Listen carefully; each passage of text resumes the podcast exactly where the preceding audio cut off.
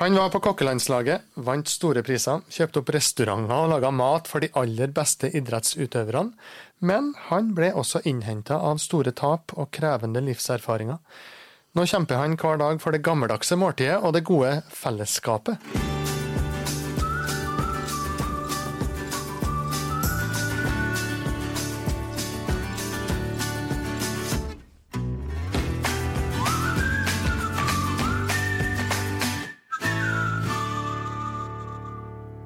Inge Johnsen, god dag.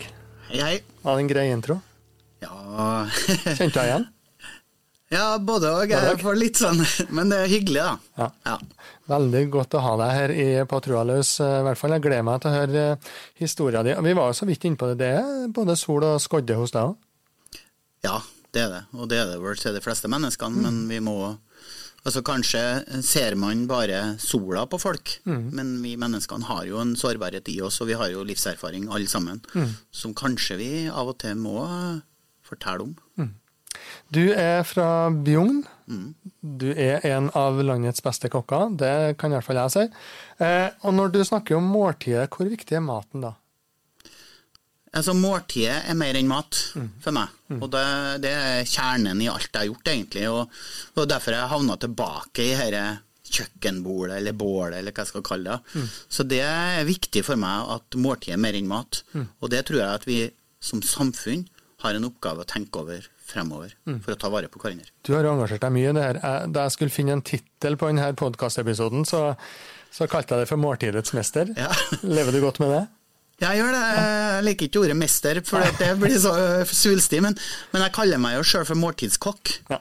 Og det måltidets mester, det vil jo si at du gjør noe viktig for uh, sjølve måltidet. Og det er ikke nødvendigvis bare at maten er god, men det har noe med helhet å gjøre. Mm. Og den helheten den opplevde du jo sjøl da du var hjemme i Bjugn. Du vokste opp eh, i en familie på fem. Eh, to brødre, mor og far. Og så hadde du to par besteforeldre på hver sin gård, ikke langt unna der du bodde, ute i Bjugn.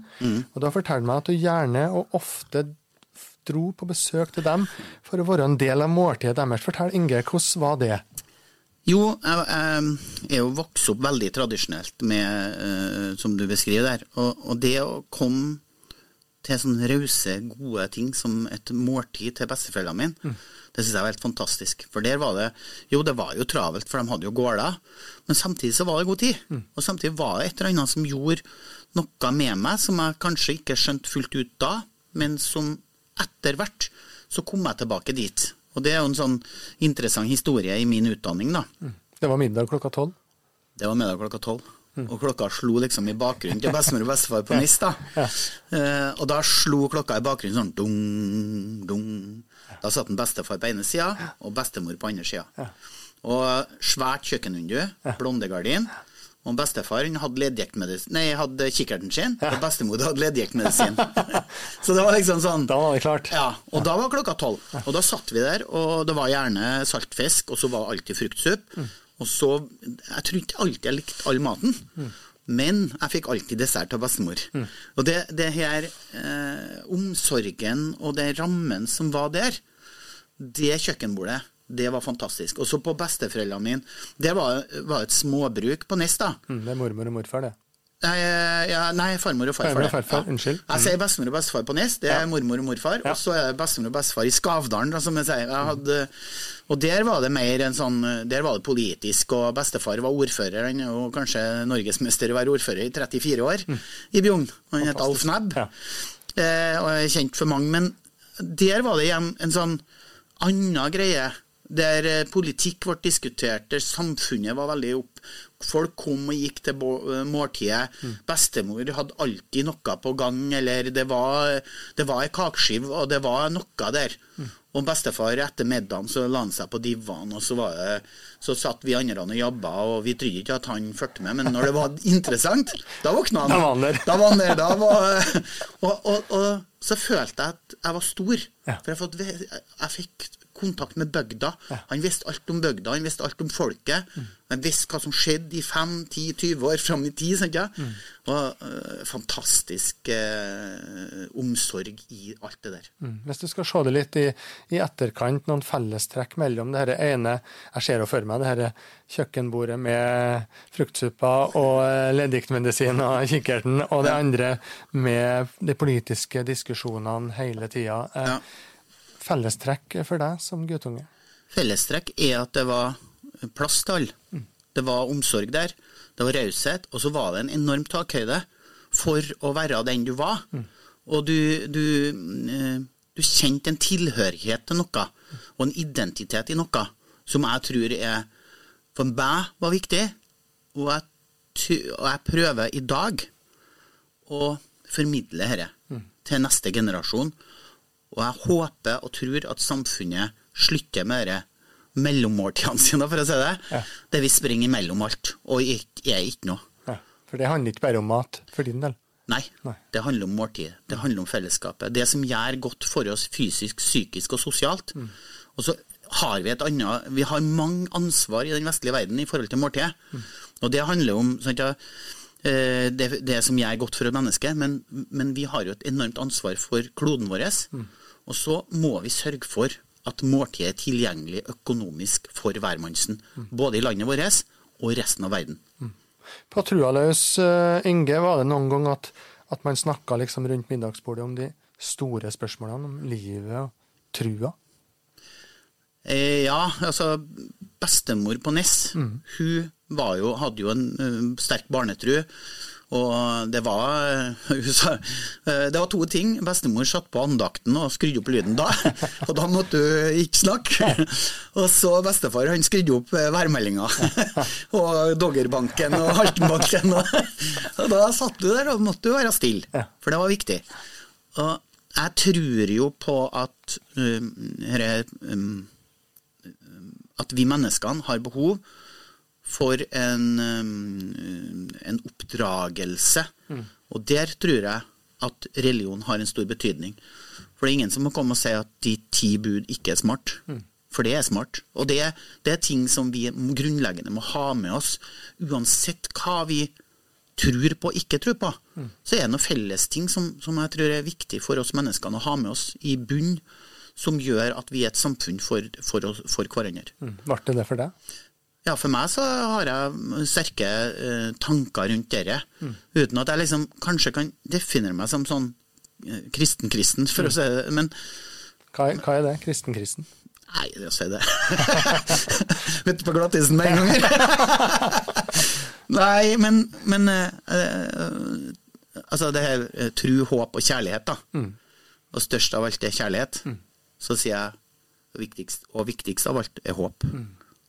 Og det er en ting som jeg har med meg som viktig da, i Så, så Hvordan ble håp formidla rundt middagsbordet i Bjugn? jeg tror det, at det var optimisme. Det var planlagt neste dag. Det var planlagt neste time. Det var liksom sånn Det skal skje noe. Det, det, Noe vi skal gjøre verden til et bedre sted. Spesielt bestefar eh, i Skavdalen. da. Han, han var jo sant, ja, veldig engasjert i at vi skulle sørge for å gjøre nytte for oss på den måten at vi skulle gjøre verden på- et, et likere sted å være. Da. Og det uh, forbinder jeg med et håp. Og engasjement, for, og engasjement er jo bra. Og det engasjement Hvis vi ikke har håp, så tenker jeg da har vi så lite. Vi må tro på håp. Hvis du kan bruke det sånn. Jeg vet ikke. Vi tar med oss den. Det høres jo ut, uh, Inge, sånn i utgangspunktet som om du hadde en veldig sånn trygg oppvekst. Uh, en uh, slags kjernefamilie rundt deg, og, og generasjoner tett på. gårder og spreng til middagsbord og sitte rundt.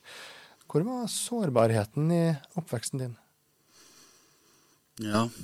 Eh, jeg tror alle Eller alle. Noen får det lettere, og noen får det vanskeligere. Eh, Jeg tror at jeg hadde mye sårbarhet. Jeg leta litt etter hvem jeg var. eh, Finne plassen min. Det var Jeg var liten av vekst. Mm. Artig historie. Som, når jeg ble konfirmert, Så sto vi i det med konfirmasjonskappene våre, og så var meg og Knut Vi sto på enden, for vi var minst, Ja. på sida. Og begge vi to fikk en bibel å stå på. for det bruker seg så mangt. Ja, ja. Så jeg fikk trua gjennom føttene. og det var for at vi var så små. Ja. Og selvfølgelig det å være liten, seint utvikla, en del sånne ting. Men samtidig så jeg, jeg tror jeg var en sånn sosial type, sånn som jeg er nå. Og øhm, jeg gikk jo på skøyter og ble sånn ok til å gå på skøyter. Og det har betydd mye for meg. Det å Hva var det Hva var det som betydde mye for deg? det? ja, Av og til så har jeg lurt på om jeg var egentlig uh, mest glad i skuffkake, for det fikk vi. så, men det miljøet som ble i skøyta, Ja.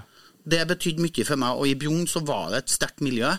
Det var et lite, det var et trygt miljø. Um, alle fikk Altså, hvis du ville, så Arne og Gerd Knutsen passa på å være med på stevner, de kjørte oss litt rundt. Eh, Harald Sivertsen, jeg må nevne navnene, for jeg syns ja det er viktig. At de, de skal trekkes fram sånne. De, de- han, han Harald sto opp midt på natta og sprøyta for det var kaldt nok. Og neste dag fikk vi til å gå noen timer. Og så forsvant isen. Og neste natt så var han og sprøyta isen igjen. Så det var helt fantastisk. Og det å vokse opp med dere, og så etter hvert så så flytta jeg til Trondheim, så ble jeg medlem av Falken og, og gikk for dem. Og da var det Tormod Ervik, faren til Eskil Ervik, som var treneren min. Og eh, Tormod har uh, satt voldsomme spor i meg. Han var krevende. Eh, han eh, lærte meg hva ja og nei var, og bra og dårlig var. Husker vi gikk på uh, Og så begynte jeg å unnskylde meg eh, og skulle forklare meg skøyteteknikk. Så bare klikka han helt og sa det heter ikke ja, men og nei, men, Inge. Dette er ja og nei.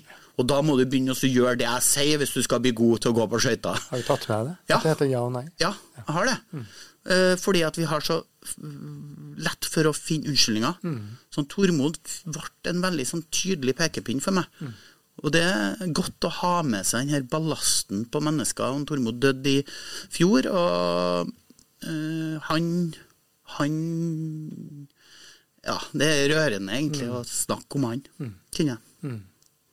16 år, Inge, da drar du til Trondheim. Eh, kokkeskolen. Ja. Eh, hybelliv. Eh, storbyen for en som kommer fra Bjugn, vil jeg tro. Ja, ja. Eh, hvordan, hvordan var det? Det var, det var krevende. Fordi at jeg, som jeg sier, jeg var sårbar som, som guttunge, på en måte. Og så skal jeg finne min plass i en stor by. Det var enormt for meg. Og så flytta jeg på hybel. Og da flytta jeg til Inger og Magne. Jeg kjente dem ikke. Jeg var bare sånn øh, Fikk en, et rom og et bad som jeg delte med en kamerat. Og så gikk jeg, var på Perskjønnet, så gikk jeg til og fra kokkeskolen på Lade. da. Eh, og kom i gang der, og så etter hvert så ble jeg mer og mer kjent med dem. Og der òg havner jeg opp med det kjøkkenbordet. De og to unger, Inger og Magne, la si hand på meg, og de ble som en de, I dag så sier jo øh, dem øh, altså, at jeg ble en, en sønn for dem, da. Bare at jeg kom så sent jeg var 17 når jeg kom. så, så om jeg er eldst eller yngst i familien, det har vi diskutert litt, da. Men så øh, Det her at den familien tar hånd om meg, betydde enormt mye. Det at de var der og betydde så mye. Når jeg reiste, når jeg for rundt og konkurrerte i kokkeyrket og sånn, så stilte de opp. Og uh, Magne gikk brått bort, bort i sommer, og uh, jeg, jeg hadde en fest Ja. i mars. Fine folk. Ja. Fine folks fest, kalte jeg det. FF-fest. Der jeg tenkte nå har jeg opplevd så mye, jeg har gjort så mye, og det er på tide å, å gi noe tilbake til menneskene som har betydd noe for meg, og som jeg har, har lyst til skal være nær meg. Så jeg inviterte uh, x antall folk, og så sa jeg til dem at nå skal vi ha en Så holdt jeg tale til hver enkelt, og så sa jeg hva de hadde betydd. Og det var i mars. Og så fikk jeg sagt ting som var viktig, og så dør Magne i juni, bare plutselig. Og da tenker jeg vi har ikke noe tid å miste. Vi må passe på. Og jeg er så glad for at jeg gjorde dette. Og Eh, og jeg har gjort det til alle, og jeg tror jeg skal ha en sånn fine folks fest hvert år. Så, så da, Jeg får jo folk til å oppføre seg mot meg. Jeg. Det høres jo fantastisk ut. Eh, eh, Etter hvert, da, så, når du har gått kokkeskolen, så kom du i læra på selveste Royal Garden. Vi har jo sett noen sånne TV-serier etter hvert fra, fra de bakre kulisser i et sånn restaurantkjøkken, der det går i voldsomt tempo, der det gjerne er en litt sånn tøff tone. Vi har sett restaurantsjefer som kjefter huden full på dem som eh, jobber. Var det så tøft eh, her òg? Ja, til dels. Mm. dessverre. Eh, for da var det mange utenlandske kokker på Royal Garden på slutten på 80-tallet. Eh, Samtidig så var det òg likevel en del fine folk som var, var bra å ha med seg. Men det var noen der som absolutt ikke skulle ha Altså, det var hardt miljø, og det var Og det er jo stress, og det er jo mas i et kjøkken. Men jeg, jeg opplevde ting som gjorde at tårene trilla, og som gjorde at jeg tenkte hvis jeg noen gang får makt, så skal jeg aldri gjøre sånn mot et menneske. Og det tror jeg holdt. Jeg har jo selvfølgelig vært i stressa og pressa situasjoner der du liksom skal levere på høyt nivå, og folk skal være fornøyd og sånn. Men jeg har aldri gjort så ille som enkelte gjorde der nede. Og det Du forteller meg at det gikk så langt at det, det ble fysisk på en, eh, en episode der. Eh, Ja. Hva, hva gjorde det med deg? Nei, det gjorde det at jeg, jeg fikk på en måte en, en ørtau, for å kalle det på trøndersk. Eh, og, det, og det sto folk rundt der som så det, og ingen grep inn. Og jeg tror at jeg har en sånn rettferdighetsgreie i meg. Og jeg skjønner ikke hvorfor ikke noen grep inn der. For det sto voldsomt mange og så det. Eh, og det er kanskje det her Og det har jeg etter far min, for han er veldig sånn rettferdighet, du skal øh, gjøre nytta for deg. Så farsan var veldig sånn sterk på det, og, og være redelig ordentlig. Og så kanskje det at du ikke skal Litt sånn øh, Ja, hva skal jeg si eh, Denne oppdragelsen der du må passe på at du er kanskje en i mengden og ikke stikker deg for mye ut. da. Nå har nå jeg kanskje gjort det, da, men jeg tror jeg har jeg har med meg en sånn folkelighet over det, som gjør at jeg prøver å gjøre nytte for meg. Og kanskje øh, reagerer jeg sterkt på ting som jeg kanskje kunne roa ned på av og til. At jeg, men jeg tror vi menneskene skal stå opp for hverandre i en del tilfeller mer enn det vi tør å gjøre. Du, eh, du sier at, eh, at du kanskje var en som stakk deg ut innimellom. eh, Og det vil jo sikkert mange tenke at om ikke du stakk deg ut, så var du i hvert fall et, et kjent ansikt. Eh, Du ble raskt kjøkkensjef på kjente trondheimsrestauranter som Kvilhaugen og Kontoret bar og spiseri. Du var kokk for Rosenborg, Byåsen, håndballandslaget, fotballandslaget. Du var med på juniorlandslaget sjøl i, i hva heter det? I kokke... Ja, Juniorlandslaget for kokker, og Ja, litt på seniorlandslaget. En runde. Ja. er med internasjonale kokkekonkurranser. Du kjøper etter hvert opp tradisjonsrike plasser i Trondheim. Mm. Lian gård. Du driver kafeene på Sverresborg folkemuseum, Trondheim folkebibliotek. Du vinner store priser. Du blir invitert til Slottet for å treffe kongen og dronninga. Du blir gift, du får unger, du kjøper hus. Hvordan var det å ha en sånn medvind? Jeg tror ikke jeg ser Jeg ser ikke bare medvind i det. Og det er jo engasjementet mitt som driver meg her. Og så det at jeg var på um, landslag og på en måte laga pinsettmat, da, for å definere det, eh, og glasert mat og sånn, plutselig så skjer det noe etter Jeg var på Eriksen konditori, lærling der. Og der eh, Lars prega meg ganske, Lars Lian prega meg mye. Og det var at plutselig så gikk jeg tilbake i noe. Så skjønte jeg ja, hvorfor holder jeg på med dette. Jo, jeg ble kokk, og jeg ble utdanna til dette fordi at det var måltidet som var viktig for meg. Og da snur det helt til at jeg begynner å tenke at det måltidet jeg, jeg, jeg gikk fra kjøkkenbordet til et form for gourmetpreg, men så gikk jeg tilbake til kjøkkenbordet. Mm. Skjønner du at folk utafra, da, selv om du kanskje ikke opplevde det sjøl, men folk utafra og offentligheten kunne se på deg som en vandrende suksess? Ja, og spesielt så merker jeg det godt når jeg liksom kanskje Altså, jeg, har aldri sett på meg sjøl som en suksessrik mann. Aldri. Nei. Og det tror jeg har noe med som jeg sier om det oppdragelsen du har, som ligger i ryggen. Og det er på godt og vondt. Av og til så må du klappe deg sjøl på skuldra. Det har jeg vært for dårlig til. Og det er kanskje derfor jeg kanskje jeg higa for mye etter ting òg. At jeg liksom ikke har vært fornøyd. Og, og det tror jeg jeg har blitt flinkere til etter hvert, da. Men når jeg da sånn, ja, I 2014 så skjer det veldig mye, og det blir ganske vondt ting. Ja, fortell om det. Ja, da øh, når, når på en måte et ekteskap går i hop, så, um, så er det et prosjekt der som forsvinner, og som ikke som du blir lei deg for, og når det da ikke vi som foreldre Du ble separert. Ja, separert.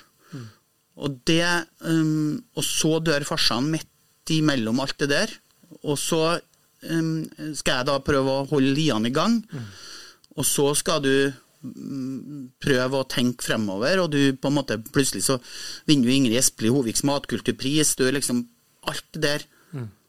Og så blir broderen dårlig, og dør av kreft han òg. Og så skjer alt dette i løpet av to år. To-tre år.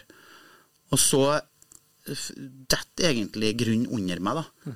Men jeg klarer på en måte beholde en verdi i meg, tror jeg, som jeg er stolt av. Samtidig som at jeg skulle gjerne ha gjort mange ting annerledes.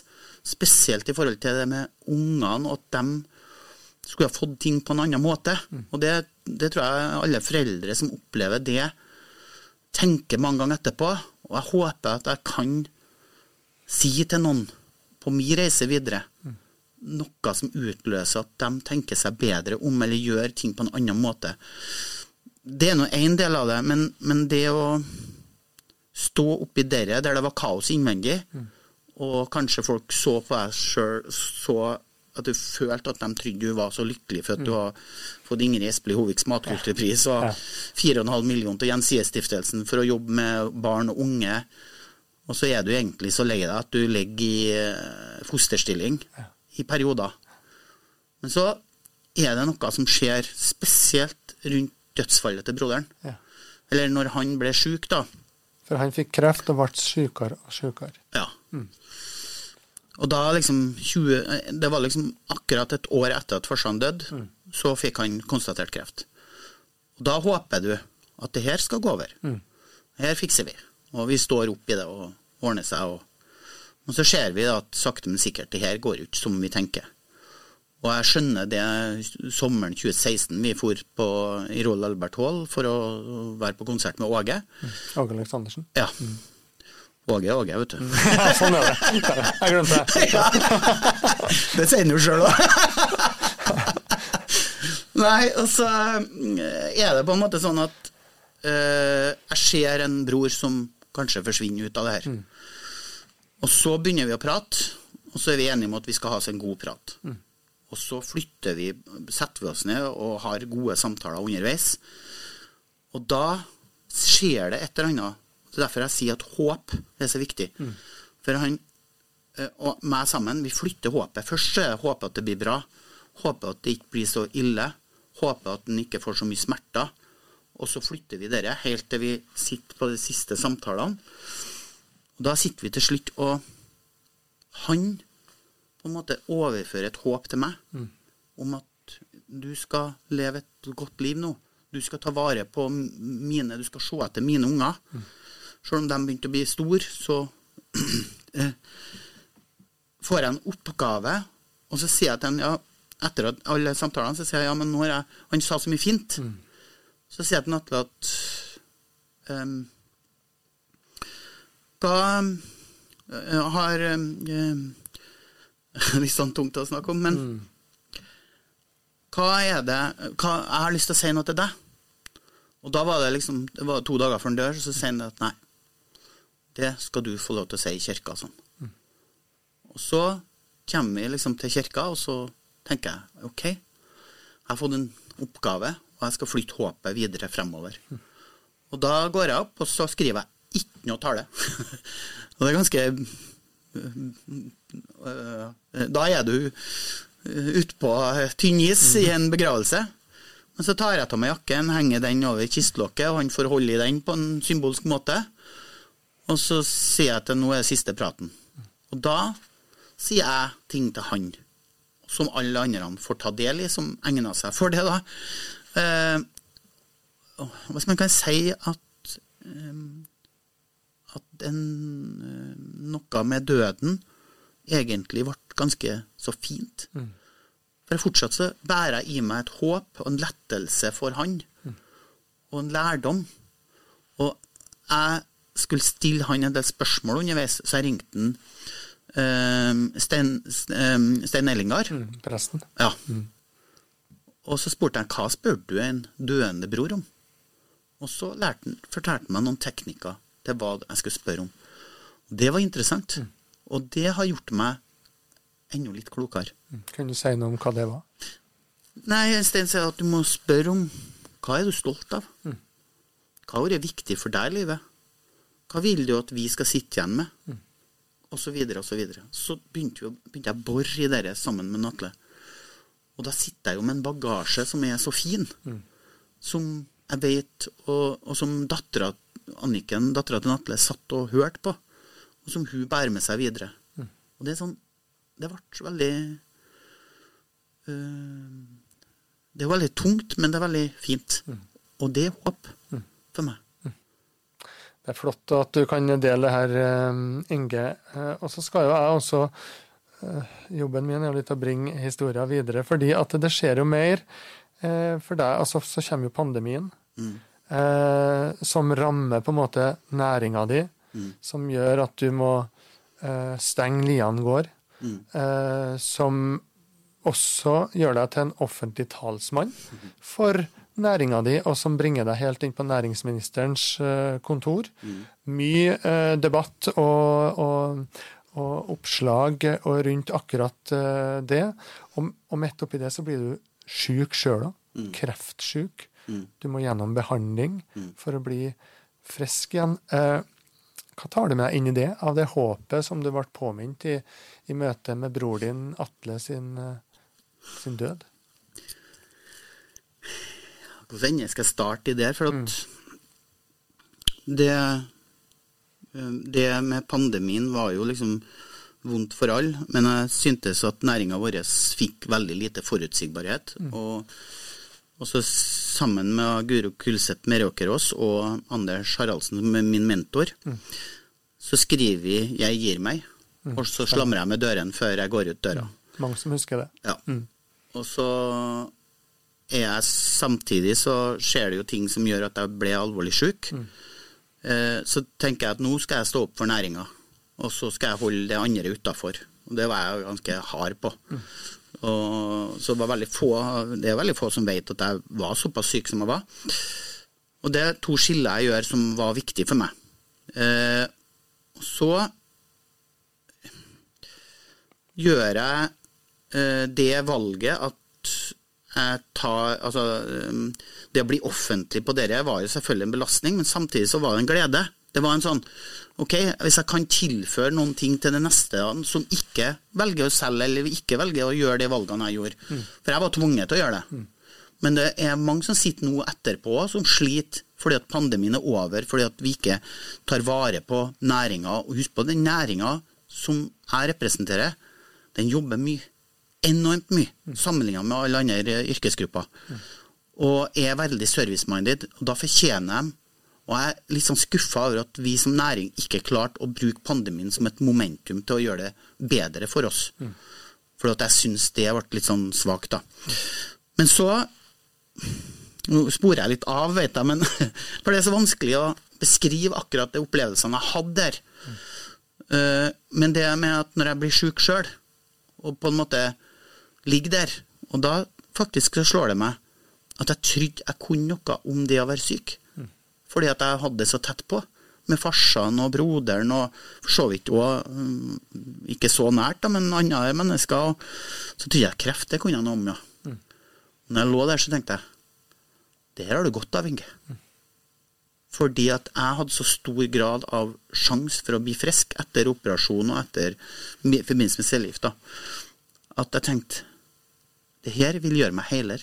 Mm. Og hvis jeg kan bli litt heiler som menneske, så er det verdt det. Og jeg tror at jeg er litt heilere og litt mer eh, forståelsesfull, og kanskje rausere, nå enn før pandemien. Og, og, og så har jeg gjort noen livsvalg som ble veldig viktig for meg. Ja, for du er ikke kjøkkensjef lenger, og du er ikke landslagskokk lenger, og du er ikke i konkurranser lenger. Og, og, men, men, i stedet så har du, har du senest nå i høst eh, bestemt deg for å jobbe enda tettere med, med ungdommer. Du jobber i fengselet. Det er fremdeles mat eh, og måltid. Men, men med det erfaringa som du har, som du har delt litt til oss nå, hva er det viktigste du kan formidle inn i den type sammenhenger, tenker du?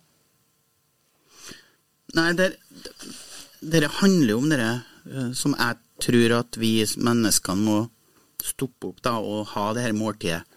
For måltidet har en viktig betydning for oss. Og jeg bruker jo Nå, nå har jeg jo danna et selskap som heter Måltidskultur. Mm. Og mål står for en tilmålt mengde mat. Mm. Tid det står for en rytme du spiser i. Så ikke? Som jeg sa i stad, at besteforeldrene mine spiste middag klokka tolv. Mm. Og det var liksom frokost før de gikk til fjøset. Det var et lite frokostmåltid etterpå. Så var middag klokka tolv. Så var det noen før de gikk i fjøset igjen. Så var det kveldsmat. Og Det var en tid, det var en rytme. Mål, tid. Og, og, og så er kultur i tillegg. Det handler om en identitet som vi må ta vare på. Og det handler om mer enn mat. Det handler om fellesskapet. Det. Og, og det har jeg så lyst til å bruke inn i både det jeg holder på med nå, med måltidskultur, som på sida holder foredrag og hjelper andre.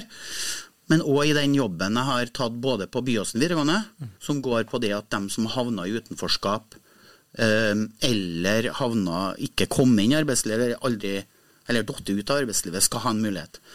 De må få en mulighet, pluss at jeg på, er i krasjfengselet og jobber der med innsatte som skal få en utdanning, og som da vil bli kokker. Og hvis jeg kan bidra på min måte eh, til at de ser en mulighet for å drive med et måltid, mm. Og at de har et fellesskap. Og de ser det fellesskapet, og det er meninga med å gå på jobb. Så tenker jeg det blir ganske viktig for meg fremover. Mm. Da du eh, snakka med, med, presten i forkant av eh, dødsfallet til broren din, og ble spurt om hva du kan spørre ham om, så ga han deg noen spørsmål. Hvis jeg stiller dem til deg nå, hva er du mest stolt av?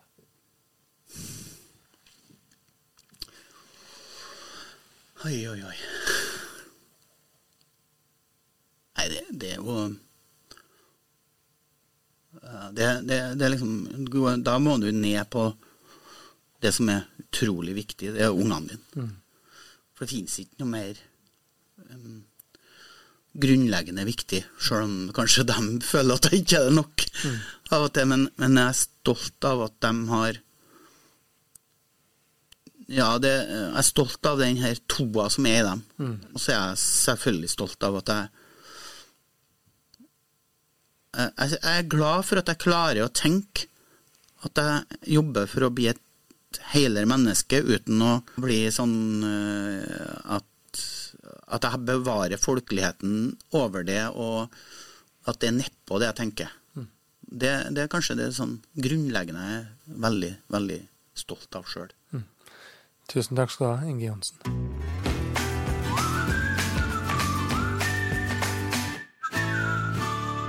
På Trua laus er en podkast fra Nidaros bispedømme. Programleder er Magne Vik Ravndal.